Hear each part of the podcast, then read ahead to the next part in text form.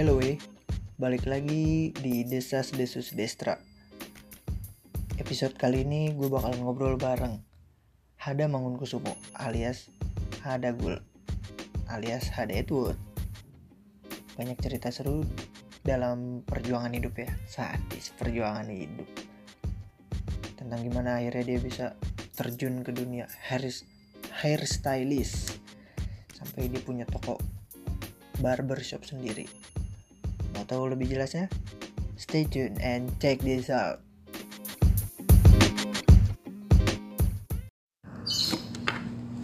Ada gue. Dede. Halo, Ades. Kita ketemu pertama kapan ya gue? ketemu ketemu pertama. Kenal gitu. Iya, waktu di Tebet sih, waktu di Oval. Oh iya bener ya. Cuman posisinya gue udah nggak kerja di situ. Cuman gue masih sering main ke Tebet. Ah iya iya benar-benar. Tapi lu pernah ini ngaco bala bantuan yang jadi checker idi. Oh iya, yang pakai boxer sama pas kaki. Serius kaki ya, inget buat gue tuh. Anjir. Eh, iya, dari situ tuh mulai-mulai akrab-akrabnya. Iya bener gue. Karena emang full seharian kan tuh di situ di toko. Nah, itu lu lagi gawe di mana itu? Itu lagi di mana ya? Padahal aduh, udah lama banget sih itu sih. Kalau nggak salah gue di Senayan waktu itu deh. Hmm. Karena gue selepas dari Tebet, gue kerja sempet sempet kerja di Senayan Oh, di toko ya. Vespa Ah, di situ. Vespa Indo anjay. Enggak, skuter pack. Tapi motor nggak Vespa Vespa nih. Enggak. Masih Scoopy 250 cc. Ini replika. Oh replika. Iya iya bener-bener bener. Bokongnya sama gue soalnya gue. Dari situ lu terus ke mana lagi gue? Dari, Dari- situ, iya. gue sempat ngejalanin clothingannya adalah salah satu pabrik figur. Heeh. Gue bantuin di bagian produksi. Iya iya oh iya bener ya. Sebutin aja apa namanya Wrecking Ball, Ball. ya, breaking ball. Wrecking Ball. Breaking ball brand. Ya lu sibuk di situ ya. Mm-mm. Sampai akhirnya kan kita ketemu lagi tuh Kapan? di Eleven Haircuts. Eleven Haircut, tukang cukur. Sebenarnya lu ada kepikiran gak sih sebelumnya tuh, wah sebelumnya tuh jauh dari Eleven Haircut, gue kayaknya jadi tukang cukur cocok nih. Ada gak sih impian kayak gitu? nggak ada nggak ada sama sekali sih pokoknya ego gue tuh dulu gedenya di clothing Hmm. gimana caranya brand gue berkek bisa maju Oh iya lu punya berkek ya? Mm-mm. pertama kali usaha gue tuh ya berkek Itu dari tahun berapa gue? Mulai ya? berkek dari 2012 lah zaman gue kuliah Mm-mm. dari zaman gue kuliah akhirnya gue ketemu temen-temen yang sejalan awalnya Mm-mm. sampai akhirnya bubar Nah, cek kayak band bubar. bubar ya kan Terus? udah bubar ya udah akhirnya jalan masing-masing buat itu bertiga. Mm-mm. bertiga cuman akhirnya bubar. Yang dua jalan sendiri. Gue tetap jalan sama berkek seiring waktu berjalan nggak kepegang juga karena gue ngurusin berkek kerja sama kuliah. Oh tiga tuh, pecah Ah, tuh. waktu itu pada saat itu. Cuman ya udah. Tapi di situ ambisius lu tetap jualan baju masih. Hmm, Karena nggak ada pada- kepikiran buat nyukur ya. nggak ada Ah. pada era itu emang zaman clothing tuh lagi naik naiknya banget Pede. Nge-hype ya, nge-hype ya. Oke oke oke. Eh, terus pikir ulang dari nyukur itu lu mutusin, wah emang ini nih jalan gua nih. Itu kapan tuh? Ketika gue udah mulai gabung di Eleven gue banyak ketemu temen-temen dari dunia rambut Heeh.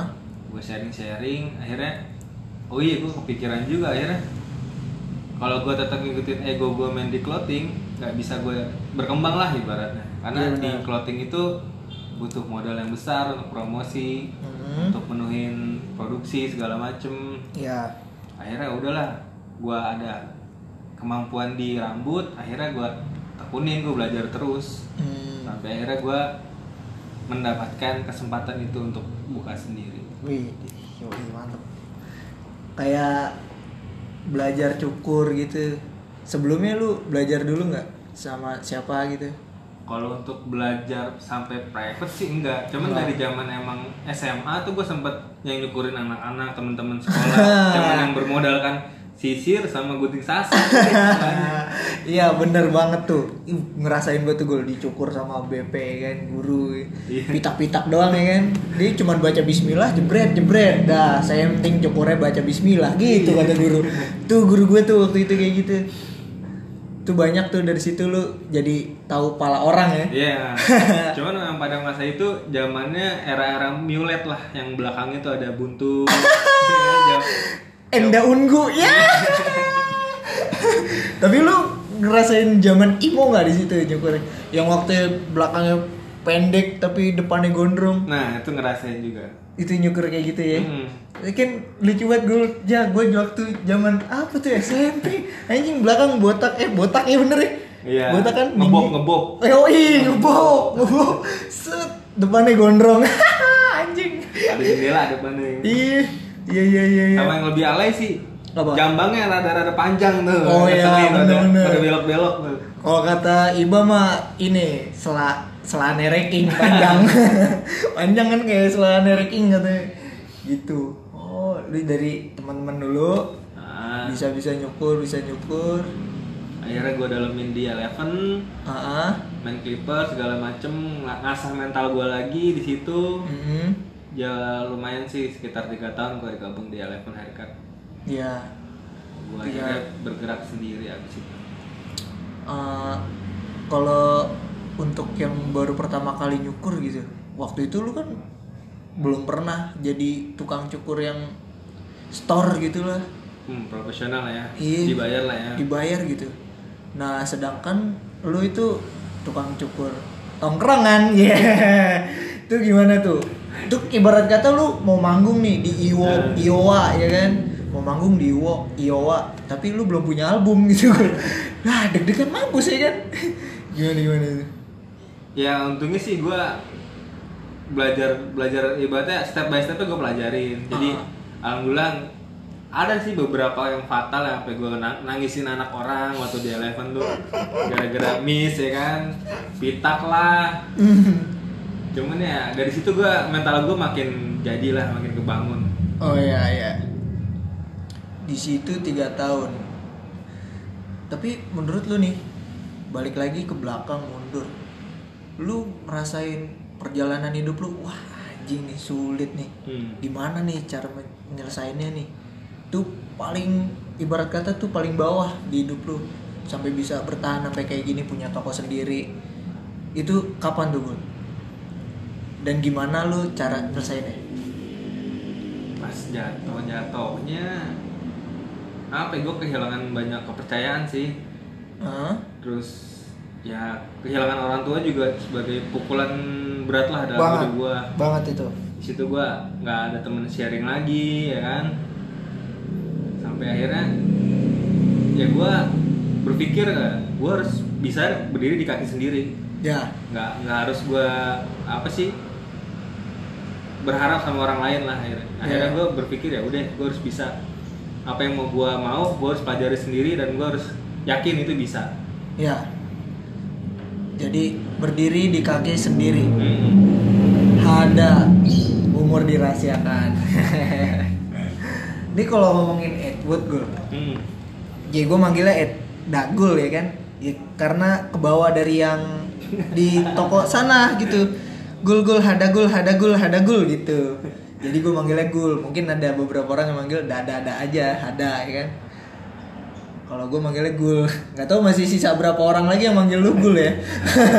Anak-anak toko gue kan manggil Daniel gara-gara si Kibo sih ini mah. Oh ya jadi sejarahnya tuh hadagul dari kibo. Kibo. Heeh. katanya gue mirip temennya dia yang palanya dagul dipanggil Paling- dagul Se- Ih sebenarnya gue pas buat ketemu lu ada gul. Soalnya gue punya temen STM nih, STM ya bukan SMA. dagul, palanya dagul. Palanya dagul tuh lonjong ke belakang gitu. Iya. Terus rada peyang-peyang gitu kan. Dagul ya. Pas buat ketemu nih orang ya kan, ah dagul. Mana dagul palanya normal-normal aja gitu. Oh jadi kibonya aja tuh. Emang. Manggil-manggil oh. Jadi dari kibo ada gue. Pokoknya jadi lu ketahuan nih kalau ada yang manggil Hadagul nih bocah tebet nih. Nih bocah tebet nih. Aduh kalau ngomongin Edward lagi gul. Hmm. Ah, ini kenapa lu kasih nama Edward? Edward haircut. Itu sendiri sih dari pertama kali ngebangun gue sama sekali ngeblank sih gue belum belum nen- nentuin apa namanya nantinya. Sampai akhirnya gue ada beberapa op- opsi sih waktu itu antara Ah. Edwood sama Woodcase. wood case Ah. ya case ya Nah, ah. ya kenapa sih gue ngambil kata wood? Ya, Karena kayu, bas- kayu. ah, basicnya kan wood kan tuh. nah Karena gue berpikir apa ya? Kayu itu berkarakter sih. mm-mm. Kayu itu kuat. kayu itu kuat Ah, ya dan dia bisa berdiri sendiri. Tapi lu kenal namanya kayu rapuh nggak gue Cie. Ya, itu kayak kayak zaman SD tuh banyak kaya. itu karena ini ya pembuatannya nggak nggak apa nggak serius kali ya jadi Ya. rapuh kalau cara bikin mejanya serius benar. dipolesnya baik Fokus. fokus ya. bakalan menjadi Edward gini oh gitu filosofinya jadi itu ya terus kalau Edward. Itu oh iya nih lu bikin Edward nih kan bener-bener barbar ya kan?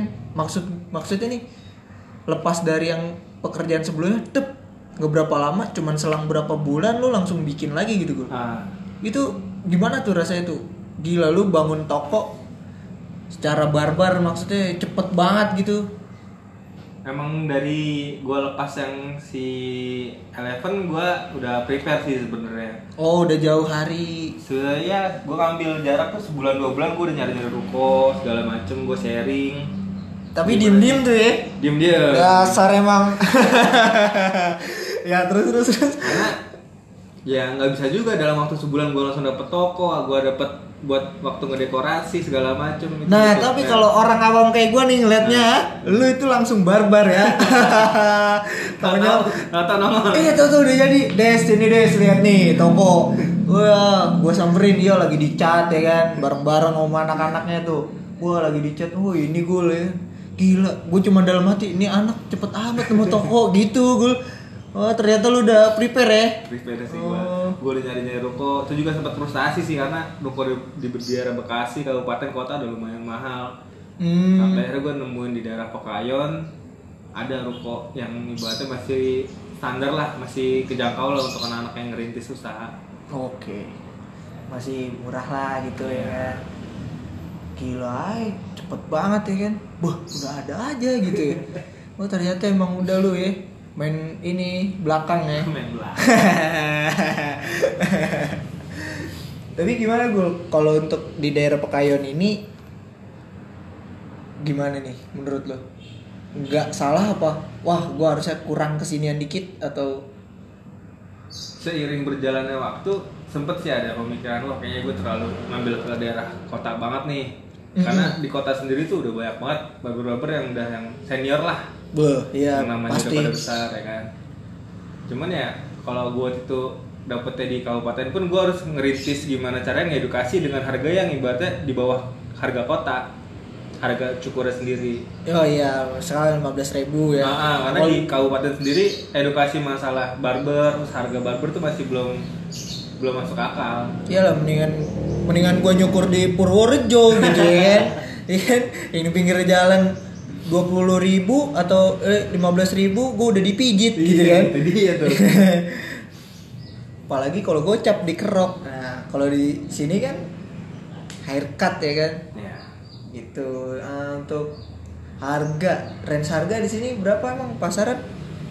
kalau dari di Bekasi sih udah hampir rata sih kebanyakan dari 30 sampai 50 Hmm. 50 itu udah pijit plus plus atau belum tuh? Kalau pijit sih enggak. Jadi anak barber Bekasi tuh kan kita punya kayak komunitas cuman emang belum terlalu jalan banget. Ah, ah. Cuman anak-anak tuh yang yang kita kejar sebenarnya bukan eh, quantity, yang kita cari tuh kualitasnya, kualitinya. Jadi gimana sih caranya kita ngedukasi buat ke customer masalah model, masalah styling ya kan. Ah, ah.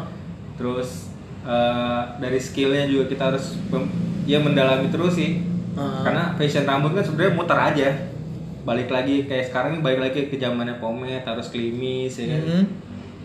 Tapi kalau untuk ada zaman gondrong gimana gue? Ya kita harus balik lagi ibaratnya mempelajari teknik dari gunting ya kan Ah, kayak balik lagi ke mulet misalnya itu kita harus benar-benar paham tuh masalah teknik gunting gimana zaman-zaman Dewa 11 eh Dewa 19 ya Hmm. kan. Gondrong gitu. gondes gondes Iya. ya. Gondrong ades. Tapi kalau untuk pasar barber di Bekasi Ah. itu kan gila. Kalau menurut gue sekarang udah rapak gitu. Iya, pesat ya Parah di mana aja. di, di tiap perumahan ada kayaknya Iya. Menurut lu apa perlu bikin RUU percukuran? Menurut lu bikin RUU percukuran gitu biar ada sertifikatnya nih. Hmm. Kalau buka ada sertifikatnya. Menurut lu gitu atau Kalau sebenarnya sih untuk standar harus sih ada standar ya. Karena biar Hmm. gimana pun kalau orang cuman bermodalkan duit untuk buka usaha tuh kayaknya takutnya malah ngerusak brand image si barber sendiri. Kalau gue bilang sih harusnya ada sistemnya. Hmm. Jadi gimana lu punya modal, lu punya skill, lu mau buka barber, lu harus dites dulu lah. Kayak lu mau naik mau naik motor harus lu harus punya SIM ya kayak gitu jadi gimana caranya biar barber ini apa ya nggak nggak nggak dibanding bandingin dengan yang namanya Asgar Oh iya, asal gitu. Garut. Ah, karena biar gimana pun ya kita mengedukasi masalah ya, tadi gue bilang styling rambut Nah, untuk- rambut Nah untuk yang ngetesnya atau SIM-nya yang lu sebut misalkan SIM-nya itu Hmm. apaan gitu? nah itu mungkin kayak sekolah barber Hmm, ya harusnya sih dari dari apa ya Indonesia Barber Association sih yang yang harusnya bergerak. bergerak Ya. Jadi nggak enggak. nggak cuman ngadain seminar mungkin tapi kan lebih ke ya kayak di salon lah salon kan lisensinya jelas tuh dia Iya. kayak gitu jadi dari kepercayaan customernya juga enak Datang dengan yakin nih gue Ah. ganteng gitu ya kan. kadang kan banyak apa ya ibaratnya ketika ada orang buka barber cuman skillnya belum ada ya itu yang ngebuat customer tuh mikirnya oh barber ternyata begini ya kayak Hmm. gitu itu yang kadang membuat kita kita lagi gimana caranya buat ngebangun image barber nah itu yang baru-baru mah kadang yang wah kok begini jadinya Iya. imbasnya Jadi kayak gue nyukur nih ah sama aja kayak di Asker Nah, gitu. Ngenson enam belas ribu gitu ya. Ada aja gue mulut kayak gitu Ada, ya. banyak sih banyak sama aja tipisnya sama gitu. Iya iya iya iya. karena pola pikir customernya juga masih yang ah tukang cukur ya cuma nyukur gitu padahal mereka nggak tahu tuh nyu- nyukur kita itu kita lagi gambar kita lagi berkarya lah Eh, di situ membuat karya di kepala ya. kepala dengan media yang 3D dengan pala Asia yang banyak benjol kadang ya kan atau potato head yang bisa disebut Iya. Potato head, palanya nggak ada yang bener. Eh, kayak apa sih namanya tuh rockabilly. Apakah sekarang model kayak gitu-gitu rame lagi? Sebenarnya sih gimana ya ini sih PR PR anak-anak barber semua itu ya karena dari customernya itu mereka kurang paham masalah model dan tipikal dari rambut batok kepala mereka tuh mereka nggak ngerti harus dibuat seperti apa Iya. jadi yang mereka tahu tuh kebanyakan undercut pompadour slip back gitu-gitu tuh iya. jadi kadang apa yang dia request tuh sebenarnya nggak cocok untuk mereka Untuk mukanya. Nah, ah, apalagi mereka masih anak-anak sekolah kayak Aduh. begitu yang rawan kena razia ya kan Iya sih, kesian ya. kasihan lah gua ya oke lah gua buatin kan model-model kayak gitu cuman ketika dia nyampe di sekolah dia nggak bisa styling kelihatan panjang habis Tapi kalau lu di saat SMA pasti lu bakalan cukur kayak gitu juga, Gul. Nggak bisa bohong lu. iya Jiwa muda ya kan. itulah proses menjadi dewasa ya Iya, jiwa muda ya kan. Kalau dibilang kasih kasihan orang tuanya ngasih duit, cukur besok dibotakin lagi. Ya, kalau menurut gue nih, zaman sekarang mereka enak lah. Dateng model, model rambut ya kayak gitu. Hmm. Kiri kanan pendek gue. Ah. Band-band band-band keren gitu. Pakai pomade. Lah giliran zaman gua. Bandnya gondrong. Coba, gue sekolah gondrong nggak boleh. Gimana dong? Wih, ada yang nyukur nih, ya. Botak. Oh, bapaknya. Ya, Bayi. bayi dibotakin. Nggak usah. Enggak. Dipendekin.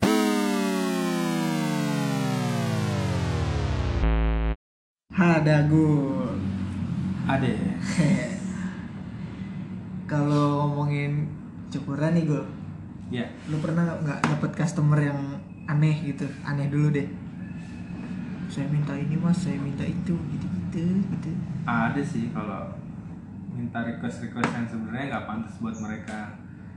Dalam artian sih bukan nggak pantas, nggak cocok dengan tipikal rambut, tipikal Hmm. batok, terus muka, dan sama kegiatan dia. Misalnya dia masih sekolah nih, Iya. pengen gaya-gayanya slick back, yang harus gondrong, harus klimis kan kemungkinan sih Hah? kecil untuk bisa diwujudkan karena yang ada ketika dia lagi nggak pakai pomade atau jenis-jenis produk dia bakal habis sih itu jadi santapan guru-guru Sadis santapan guru Iya. BP, iya. Tapi kalau zaman sekarang mah gue model-model rambut pendek semua sih kalau menurut gua. iya Oke. untuk sekarang cuman emang basicnya tetap harus pakai produk Ah, nggak bisa ini doang ya. nggak bisa keringan kalau keringan tetap Kelihatan kucel ya. Kucel. Emang aja mukanya bocah STM gue. Coba kalau zaman gue sekolah tuh. Band-bandnya aduh Me Horizon Asli Dae Asli Dae apa-apa tuh. Buh, Kan gondrong-gondrong boleh gondrong. Gondrong kuping. eh, um, Imo Indis. Ya Indis kayak ketek Indis. Botak belakangnya violet dulu violet yoi. Terus kalau ya apaan nih? Bentar, bentar, bentar, Ren. Kolak dulu, baru jawab. Aduh, dada aja ya. Kalau yang anehnya gimana dulu? Anehnya nih. anehnya apa ya Eh, aneh udah tadi. udah tadi Lucu, lucu, lucu. kalau lucu, Cerita lucu nih. Customer nih. dulu sih kejadiannya waktu di gua belum di sini di Eleven eh di Atwood gua Di dulu di. Eleven Iya. Nah, cuman dulu gua ada barengannya dulu kalau Ah. sekarang kan sendiri kalau dulu tuh gua bareng temen gue Iya. yang masukin gua ke Eleven cuman waktu itu kondisinya siang sih nggak pagi-pagi banget siang gua lagi duduk di kasir Mm-mm. kebetulan tamu datang tuh satu ya. Kayaknya sih masih anak-anak sekolah sih Bocah sekolah gitu. Bocah sekolah Dia datang. Kaula muda lah. Kaula muda Dia Iya. datang ya kan. Dan gue nih yang yang handle ya kan Ah, Habis di handle terus? Udah tuh gue gua kan di kasir gak terlalu merhatiin kan Iya. Intinya udah mulai nyukur segala macem Pas Ah. pertengahan Nah si customer komplain Pertengahan kerja tuh. Iya udah udah jalan nyukur tuh Iya. Customer komplain Dia bilang kok begini bang Aku sempet ya Lah kenapa nih ya kan langsung Iya. nengok tuh Pas gue liat Wah kayaknya ada miskomunikasi tuh Iya. kan Ternyata gue simak obrolannya Ternyata yang dia minta itu Apa? Cukurannya nggak nggak sesuai sama yang dia pengenin Heeh. Jadi awalnya dia bilang Bang gue pengen di jarhead Dia Sadis, gitu. jaret, iya. Yang gue tahu jarhead itu kan armilo kan Yoi, pendek kiri kanan lah. Mm-mm. Rada-rada botak, bener. Nah, terus, ya udah temen gue nyukurin tuh ya kan? Satu satu satu. Sampai di jalan setengah pas udah setengah dia komplain terus dia bilang bang bukan begini bang kata dia gitu kan kata customernya. Nah temen gue bingung lah. Lu mintanya apa tong? kata temen gue gitu kan. Iya, terus? terus kata dia bang bukan begini. Kata teman saya nggak begini bang kata dia gitu. Heeh. akhirnya gue samperin. Lu samperin tuh? iya customernya. Gue tanya Iya. boy kenapa? Gue bilang nggak begini bang potongannya bang kata dia gitu kan. Iya. Lah emang lu mintanya apa tadi? Mintanya jarhead bang. Nah ini jarhead gue bilang gitu kan. Iya. bukan bang bukan begini udah akhirnya gue searching tuh. Googling Karena- langsung. googling karena emang waktu itu lagi zamannya undercut ya kan? Iya. gue searching undercut, undercut tuh ya kan? Akhirnya gue kasih tahu kayak gini bukan boy? Nah bang ini bang yang gue maksud. Kata dia gitu.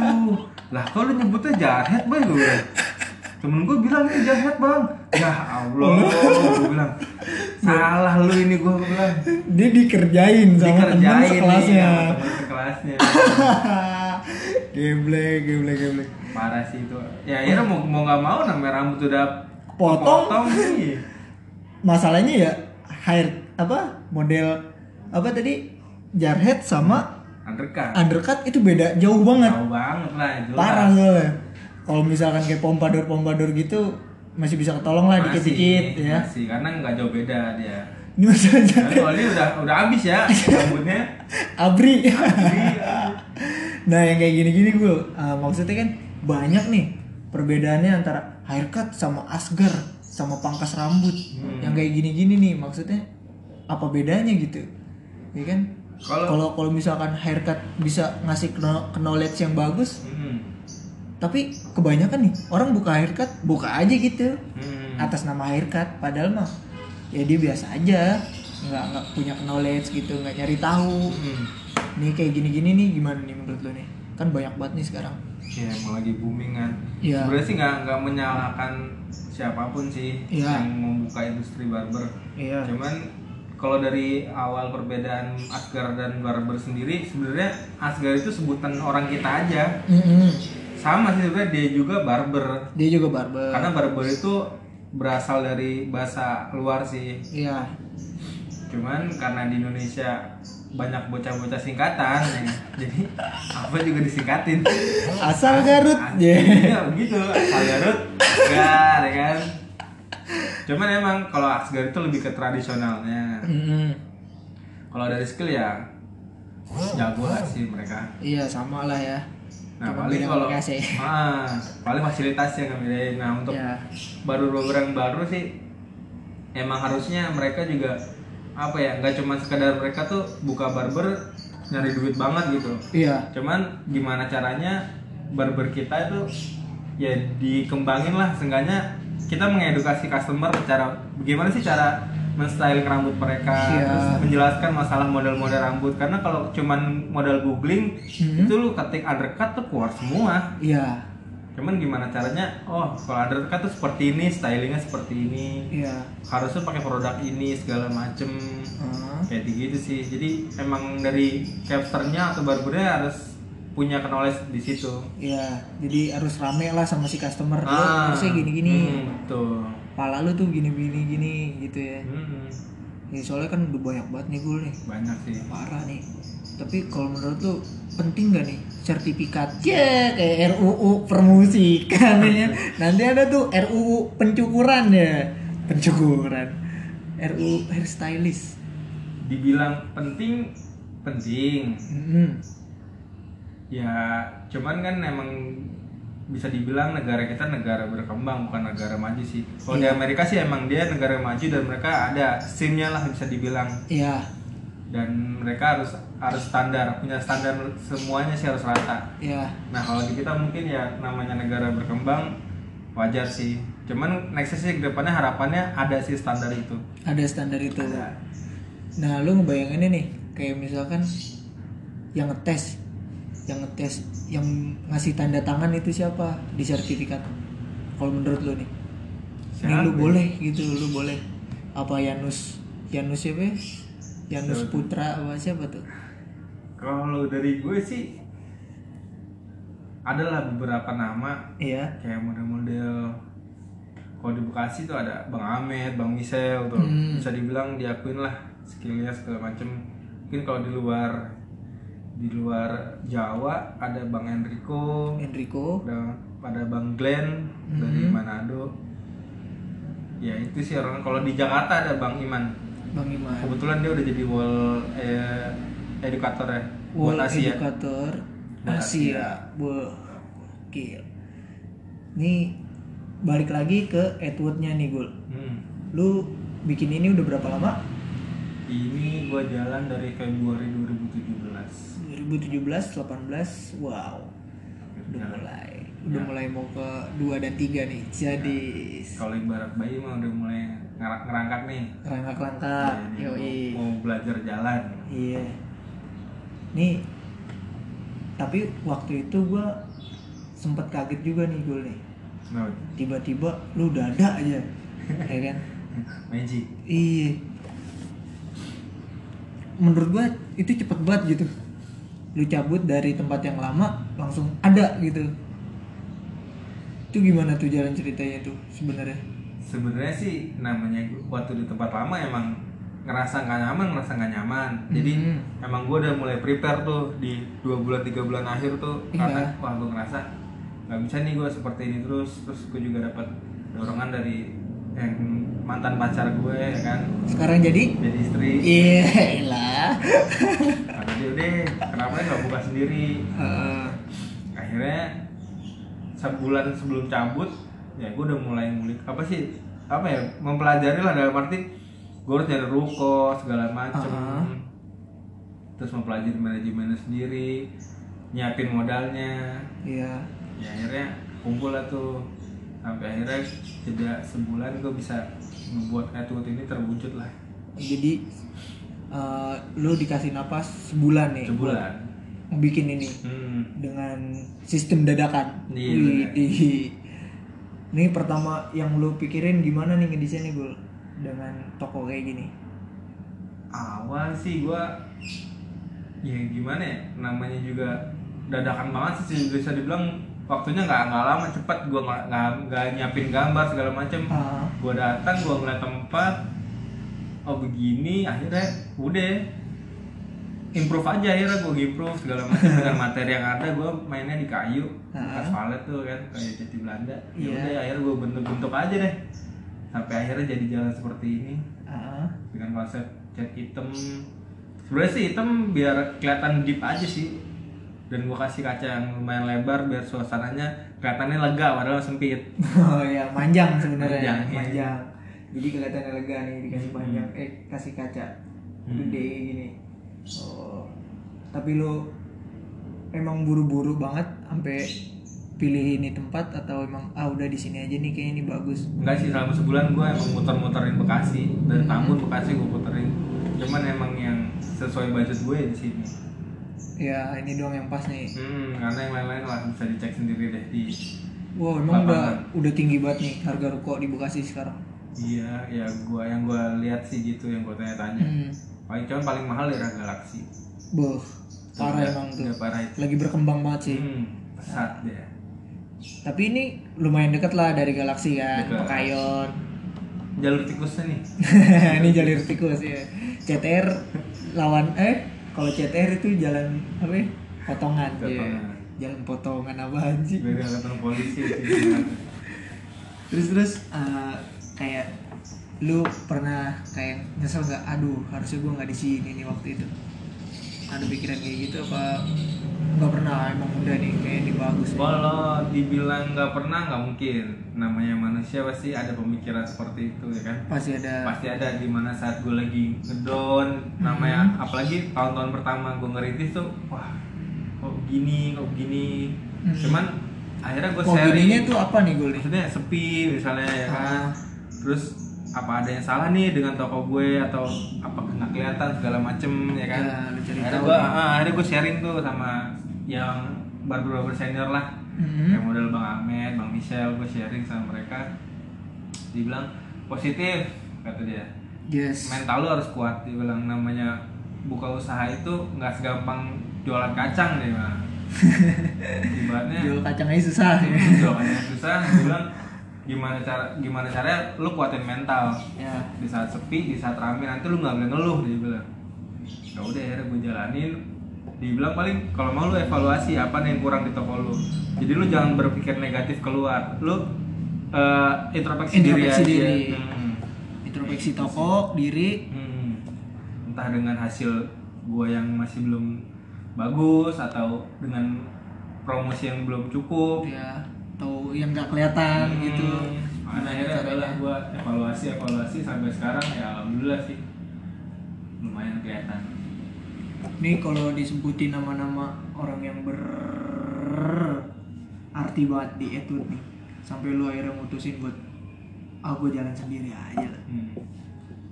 Orang yang paling dominan untuk mendukung gue sih ya itu mantan mantan pacar gue Hmm. terus temen-temen gue ada yang dari awal ayo ngajakin ayo bang nyari ayo nyari tempat nyari kontrakan Iya. kayak gitu gitu sampai mau bantuin ngedekorasi segala Iya. macem Ya emang gokil sih itu. hmm. Gue juga kaget tuh gue datang sini. Waduh. Tiba-tiba ngabarin kan, dia sini main tempat gua. gue dateng nih lagi di chat ya kan gila nih anak cepet banget loh gue nggak tahu tahuan ya tahu tahu udah jadi aja gitu kan. Gokil aja sih. Itu sih mantan pacar sih yang paling paling, Paling- semangat ya apa yang nemenin gue belajar ke belum belanja belanja ke pasar baru. Wah, ya nemenin. Nyari nyari tempat ikut ikut nemenin dia. Ah. terus terus nah, kayak range harga nih. Hmm. apakah kalau range harga tuh kalau tempat cukur ngikutin tempat cukur sekitar apa emang gue mau harganya segitu gitu? Atau emang standar pasarannya tuh segitu? Kalau untuk uh, harga sendiri sih gimana maksudnya apa ya? Kita harus sadar sama kemampuan diri terus fasilitas yang kita kasih. Hmm. jadi apa yang ibaratnya apa yang kita jual tuh sesuai dengan uh, kualitas yang kita punya. Iya. kalau bisa sih gitu. Kalau gue sih menerapkan seperti itu. Mm-mm. bukan lihat kanan kiri wah sono udah segini Iya. Enggak sih oh enggak gitu ya Enggak. jadi emang teman-teman dari barber Bekasi juga nyaraninnya kita tetap matengin kualitas Ya. mau harga tinggi kalau servis kita bagus kualitas kita bagus customer bakal balik gitu sih Iya. Hmm, kan ada tuh kayak apa orang wah itu di, di sebelah sana tuh udah segini kita naik Hmm. itu itu gitu. banyak sih yang yang ngebanding bandingin di sana Iya. segini sini gini kalau dari gue pribadi sih nggak nggak mempermasalahkan harga Iya. karena gue percaya eh, kualitas itu bakal bisa ngebuat orang nyaman kelihatan lah gitu ya Hmm. kalau kalau kualitas ya. nah eh, ini ke depannya nih gue nih Edward pengennya lu lu apain nih sebenarnya nih Apanya sih? Ya gue pengen nambah bangku, gue pengen nambah treatment lain. iya Intinya sih gue pengen ngembangin toko ini ya bisa jadi apa ya tempat berbagi lah buat orang lain bisa jadi tempat buat teman-teman juga yang punya skill di rambut atau yang nggak punya ingin belajar. Ibaratnya gue ingin merangkul teman-teman sekitar gue sih. Iya. Buat ikut gabung. Kemon John Ice Hmm. yoi.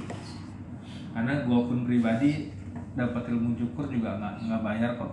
Nah, gue dapetin dari teman-teman gue juga Nah, kalau misalkan nih achievement lu sekarang nih kalau dilihat ya lu udah punya toko sendiri gue lu udah nikah hmm. lu punya istri Hmm. dan nanti bakalan lu menjadi seorang calon ayah Hmm. ini lu lagi calon ayah ya kan? Hmm. ngomong-ngomongin anak Hmm. lu pengennya nih Hmm. pengennya dapet anak itu laki-laki atau perempuan gue kalau ngomongin anak paling kita skip dulu ya paling gue minta doanya aja nih ah. kebetulan emang anak gue namanya Zain Kusumo Zain Kusumo Hmm. berarti dia laki laki-laki cuman gue minta al-fatihahnya aja Iya, buat teman-teman nih, bantuin nih. Ah, lu baca surah Yusuf gak nih? Anak laki nih gue nih, tiap malam nih, bini lu. Terganteng kayak gue. Dulu nyokap gue kayak gitu, sih, katanya. Ini se- setengah-setengah ya Baca surah Yusufnya setengah kali ya nyokap gue. Nggak kayak ini, siapa? Al ya, Al Patu ya, bukan Al Eldul. Oh, jadi udah jadi namanya tuh siapa ya tadi? Zen Kusumo Zen Kusumo ada nama belakang lu hmm. Yoi Marga nih enggak sih biar kelihatan aja oh, ini anak gua nih selain ini nih udah nih udah ketahuan kan? Tinggal nunggu dia keluar. Achievement lu selain apa setelah ini apa nih gul? Yang pengen lu dapetin gitu di duniawi? Ya kalau gue sih pengen berkembang lagi ya tuh iya. Pengen punya cabang ya?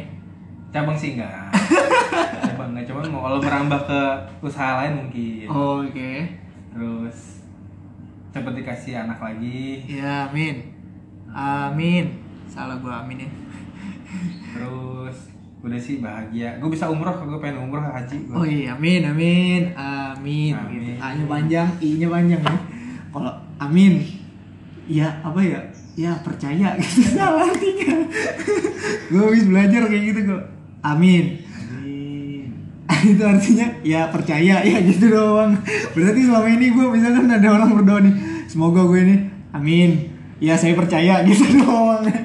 Bukan amin. itu lebih bagus ternyata artinya jadi lu umroh nih impiannya nih Iya. achievement lu berikutnya ya nah kalau ngomongin tadi lu ada kata-kata lu bakalan usaha lagi tapi beda Hmm. bidang apa nih yang lu bakalan rambah apakah balik ke clothingan lagi Hmm. atau gimana Kalau bayangan sih masih pengen main di coffee sih sebenarnya. coffee Sebenarnya cuman Iya. kayak kita nggak tahu ke depannya gimana kan. Heeh. Pengennya sih ke arah arah situ. tapi iya ter di depan eh di mana mana udah banyak kopi kan kayak di Bandung parah tuh parah sih gul be setiap gang ada kopi Ada. shop Di sini juga udah mulai sih, udah mulai banyak. Apalagi daerah Tambun tuh. iya kopi shop Hmm. waduh gokil ya baik banget Karena emang dari pelatihannya juga banyak sih. Mhm. Ada banyak pelatihan untuk barista segala macem. murah juga ya. Hmm. coba tukang cukur murah latihannya banyak tukang cukur Sih bukan masalah murahnya. Coba kalau kalau salah tuh nggak nggak diomelin sama orang. Karena kalau kita buat kopi, kalau salah paling Mas kok begini rasanya? Iya. Dibuat ulang kan? kepahitan gitu tuh ya kan ngeluh di hati Hmm. Bisa dibuat ulang juga lagi ya kan? Coba cukur. Wah mas salah. Ya udah pas saya buat ulang ya. kan nggak mungkin gua tempelin dulu tuh rambut-rambut. lu tumbuhin pakai apaan ya kan Ya, aduh ya ya bener-bener juga sih gul itu ya jadi orang lebih berani belajar Hmm. daripada ya balik lagi emang bener kata siapa bang siapa tuh mentality passionate mentality kalau kata orang Itali yoi kalau mentalnya rendah ya bakalan ngeri ngeri Nih ya, gitu kan pasti ya namanya usaha anginnya kenceng lah. Mhm.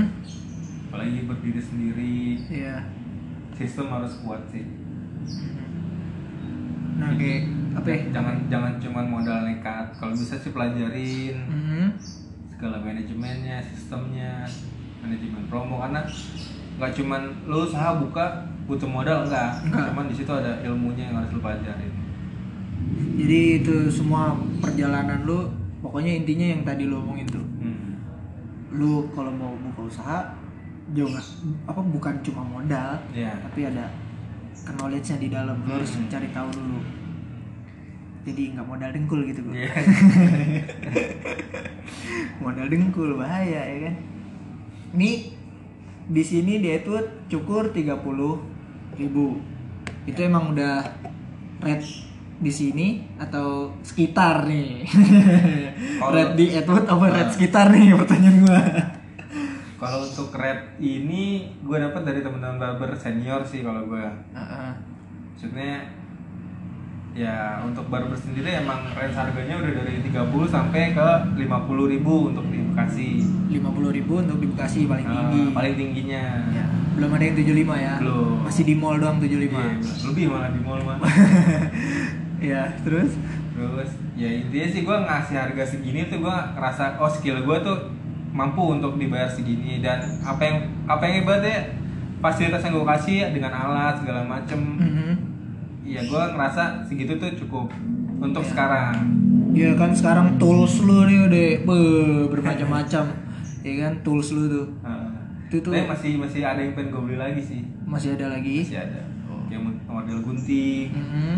itu masih pengen beli lagi karena biar gimana pun alat itu sebenarnya alat itu membantu bukan untuk membuat kita jadi jago enggak Enggak. skill itu tetap dari kita cuman alat itu untuk membantu sih memudahkan Oh, jadi kalau pakai gunting ukuran segini belum tentu bisa begitu. Mm-mm. Gitu maksudnya. untuk memudahkan aja sih alat Ah. jadi nggak bisa sembarangan ya alatnya. nah jadi alat itu dibarengin dengan skill Hmm. jadi nggak nggak nggak bisa nih orang yang belum bisa nyukur kasih alat bagus percuma Sama aja bohong. sama aja sama dong kayak kopi gitu-gitu ya. iya benar itu sama sama semuanya lah kalau kayak gitu eh untuk alamatnya nih Gul yang belum tahu tahu nih Untuk alamatnya sendiri, Atwood itu ada di Pondok Pekayon Indah, Jalan Hmm. Ketapang Raya, Blok DD 38, nomor 10. Ya. Nah, patokannya di samping bakso Mas Edi, dekat rumah Pak Wali Kota. Wede Siapa tuh Wali Kota? wali kota mana nih Jember apa mana Wali Kota Bekasi. wali kota Bekasi Mas Edi Mas Edi mana nih Mas Edi Tahu nih, ada Mas Edi doang nih. Harusnya tambahin Edi Yunus. Andai dia tahu Edi. Emang Edi Yunus nyanyi itu gue. iya, kan kahitna dia. Oh iya bener, gue berarti nggak salah. Padahal nggak salah. Nih asli lu dingin banget gue nih. Mereknya apa nih? Wah bahaya nih. Empok mereknya. Parah nih. Dingin juga ya. Padahal di luar panas banget. Enggak sih sebenarnya. Nah, kayak orang-orang nih yang mau belajar cukur, Ah. misalkan ada rasa takut, Hmm. ada nasihat gak dari lu nih biar dia pede gitu? Kalau itu sih niatin dalam hati, Iya. terus sukain dulu kalau mau dia suka di apa mau belajar rambut sukain dulu. Hmm. Kalau udah suka namanya lu sering diasah, sering belajar pasti bakal bisa. Gue yakin sih. Iya. Yang penting dari lu ada kemauan, ada kemauan, ada niat buat belajar ya. Nah, kalau misalkan nih Hmm. orang mau belajar gul, Hmm. tapi dia takut, Hmm. tapi nggak ada wadah juga. Kalau menurut lu bisa nggak tuh kumpul dia tuh kayak kayak yang lu bilang kayak gitu, kayak lu bilang tadi kayak Mm-mm. gitu. Bisa. Jadi kalau teman-teman yang mau belajar coba-coba cukur Hmm. Bisa. bisa datang. Bisa datang aja ke sini. Kita ngobrol dulu. Mm-mm. Ibaratnya belajar kan nggak harus langsung praktek. Kita Ya. bisa mengenali dulu eh, dari mat- apa sih Materi. materi dulu, Teori. pahami dulu teorinya. Nah, kalau emang mental udah siap, ayo. Kalau praktek tinggal lu bawa siapa yang mau lu potong, ntar Insya Allah sih gua gua bantu. Ah. Nah kalau misalkan ada yang jawab, gue pengen sih, tapi gitu, gue nggak ada bakat sih. Kan ada yang pede gitu. Hmm. Sebenarnya sih semua orang berbakat, Mm. cuman dari diri diri mereka sendiri nih, passionnya mereka, terus niatnya mereka. Karena dari gua pun ya nggak ada tuh turunannya, tuh bokap gua atau kakek gua segala macam nggak ada. Iya. Cuman emang karena gua terlahir begini lingkungan, Hmm. Dulu emang lingkungan gua yang nyukur tuh nggak nggak ke asgar apa pada mainnya udah sama temen sini nyukur nyukur nyukur ya udah akhirnya terlatih lah di situ Jadi terbiasa. terbiasa ya Bisa awal pasti hmm, bisa karena biasa Nah lanjut. awalnya emang pasti ya gue mintak mintakin pala orang sih kata ujung ujungnya yang udah pitak larinya ke asgar Ya. Tetap minta diberesin ya. Hmm. Cuman ya kalau nggak nggak begitu lu nggak bakal bisa. Lu nggak ba- ibaratnya ketika lu ketemu kesulitan lu nggak bakal tahu nih selanjutnya gimana kalau nggak lu coba. Oke. Itu dia. Kalau lu nggak tahu sulitannya, nggak bakalan lu coba. Hmm. Apa terbalik nih gue? Kalau nggak lu coba lu nggak bakal nemuin solusinya. Ah, gitu. Win-win solution. lah, apa sih kok win-win solution? Itu dia tuh tadi inspirasi-inspirasinya nih dari karir sampai dia bisa berdiri sendiri di perusahaannya dia sendiri. Edwood Haircut. Kalau untuk masalah percintaan nih sama si istri ini, Hmm. dulu ketemunya gimana sih gue? Dulu zaman-zaman masih SMA sih tuh. Zaman-zaman masih jadi anak basket ya kan Abas ya. Jadi lu dulu anak basket gue. Anak basket lah walaupun cadangan gua. Tim inti cadangan. Widih. Karena emang gak ada orang kali ya, gue ajak-ajak aja tuh. Lu kayak Kemal Palevi sekarang dong ya. Kemal Palevi terus siapa lagi deh tuh gue gak tahu deh. Ya terus lu Iya. anak basket. anak basket SMA. terus mantan pacar kebetulan dia cheerleadersnya Yo iya. cuman gue emang sama dia beda sekolah Lah, gimana tuh ceritanya? ya gue kan Gue kirain, tadi gue kirain lu timnas apa ya basket, lu timnas basket terus cewek lu tuh timnas eh timnas lagi cheerleaders basket timnas lu Hmm. timnas sekolahan. iya Ini enggak nih? ini enggak Widih, canggih juga lu. Gimana caranya tuh? kebetulan emang dia di SMA 1 Tambun Selatan Nah, gue di SMA 2 nya hmm? ketemunya tuh pas lagi kayak ada kompetisi antar sekolah meeting. Ah, eh, kayak- kelas meeting mah cuma Nah. satu kelas, cuma satu sekolah, sorry sorry. Hmm. Pas lagi kompetisi sih sering Iya. terus ya udah kebetulan gua gua kenalnya temennya dulu karena emang temen gua temennya dia ada oh, gitu. akhirnya salam salaman zaman dulu kan masih yang "Eh, salamin buat ini dong gitu. terus Kalau mau nelpon juga harus pakai telepon umum, ya, Ah, kan? koin, koin, koin, wartel ini. Terus surat-suratan masih zaman 2000 Ini gak ada Lima. SMS, nggak ada ya? ada, Waduh, ada. gokil. Masih langka yang punya handphone tuh masih jarang lah. Cuman anak DPR atau pengusaha tuh yang punya tuh. Hmm. Wah, gokil. Dari dari SM apa SMA SMA terus itu lu nembaknya pas buat SMA apa udah lu lulus SMA baru pas nembak? SMA sih, gua kelas 2 dia kelas 1 Wah, daun muda juga- ya. iya. Iya. Itu juga ne- ne- ne- apa nembaknya di wartel gua. Iya, iya, iya gua. Lu nelfon gitu. Iya. Asik asik asik. Zaman dulu kan masih yang bahasannya iya nanti ya eh, jawabannya dua hari lagi ya. Iya. Iya iya iya dikasih jeda ya. Iya. Terus tuh laki-laki deg-degan ya kan. Anjir. Akhirnya ditelepon telepon teleponan lagi di wartel, dijawab. Iya. Akhirnya ketemu sih. Oh, dia jawabnya gua ke sekolahannya. dijawabnya di eh, ketemuan. Ah. Sadis. Habis itu langsung jalan-jalan tuh. Enggak lah, Oh. orang jam pulang ke Oh, sekolah. jangan sekolah, sorry, sorry. Habis itu lulus, lu langsung kuliah? Apa? Gua kerja dulu. Oh kerja dulu. Dia langsung kuliah. Dia langsung kuliah. Hmm. Dan di situ lu masih berhubungan terus. Hmm. Nah lu nih, nih lu berhubungan sama si Mbak ini berapa lama nih gue nih? Dari kelas 2 SMA loh. Iya, jauh juga ya perjalanan.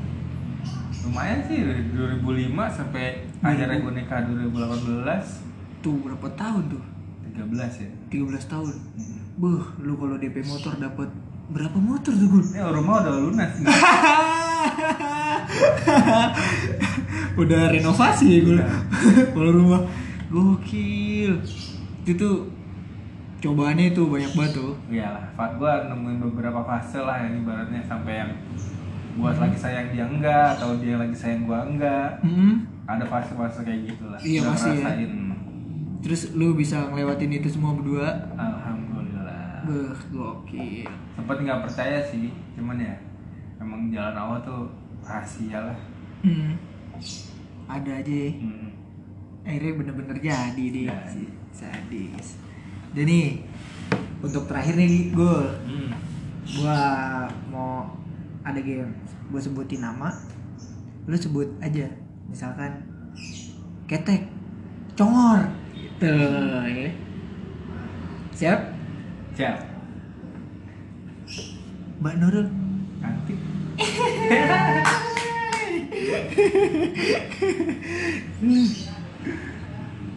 Vicky Hidayat. Teman terbaik. Yoi, mantap. Pak Vicky, mantap Pak Vicky. Yoi. Nih. Satu, dua, tiga. Kibo. Oh ketawa, jawabannya ketawa. ketawa, oke. Jadi diketawain doang ya. Terus ada lagi nih, kan lima nih gue. Hmm. Dua lagi berarti. Kalau yang ini nih, bonge. Aki-aki. Aki-aki. Terakhir gue, Hmm. tilil. Pilil kocak sih. Ya, kocak. Yoi. Itu salah satu orang penting tuh gue Hmm. Dia itu Hmm. bikin kita bisa cukur hairstylist produksi gitu loh. Eh, apa industri gila yang tadi cuma tongkrongan ya kan gokil gokil gokil Ah, untuk yang nggak tahu nih Gul tolong promosi dong Edwood nih kalau di Instagram ada di Di edwood.haircuts. edwood.haircut Hmm. Pakai S. ya ini buka setiap hari Setiap hari Senin sampai Kamis, Mhm. terus Jumat gua libur, Sabtu sampai Minggu. Sabtu sampai Minggu buka lagi Jamnya dari Jamnya? jam 10 pagi sampai jam 9 malam. jam 9 untuk alamatnya nih Gul Alamatnya di Pondok Pekayon Indah, Jalan Ketapang Raya, Blok DD 10 nomor 38. itu baru setahun udah hafal banget lo ya Hmm. Kebalik sih, Blok DD 38 nomor 10. ya atau lu bisa buka di Edward Haircut di Instagram di situ ada Google Play eh Google Play Google Map lu bisa langsung buka aja ya, di Google Maps bisa ketik aja Edwood spasi haircuts. oke Oke, itu bakalan langsung muncul. Oke, Gul, thank you, Gul. Sama-sama. Uh, small small talk big inspiration pokoknya. Thank you atas informasinya, pengalamannya, sharingnya. Mudah-mudahan berguna buat pen- pendengar ya. thank you. Sama-sama.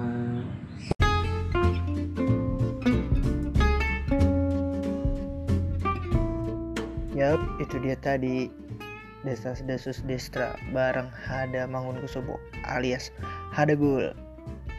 Gimana? Inspiratif bukan? Gak mudah jadi hairstylist. Banyak tantangannya. Apalagi sampai bikin toko sendiri. Wow, itu struggle banget sih. Bakalan banyak cerita inspiratif lagi di Desas Desus Destra. Makanya pantangin terus Desas Desus Destra. Stay tuned and thank you.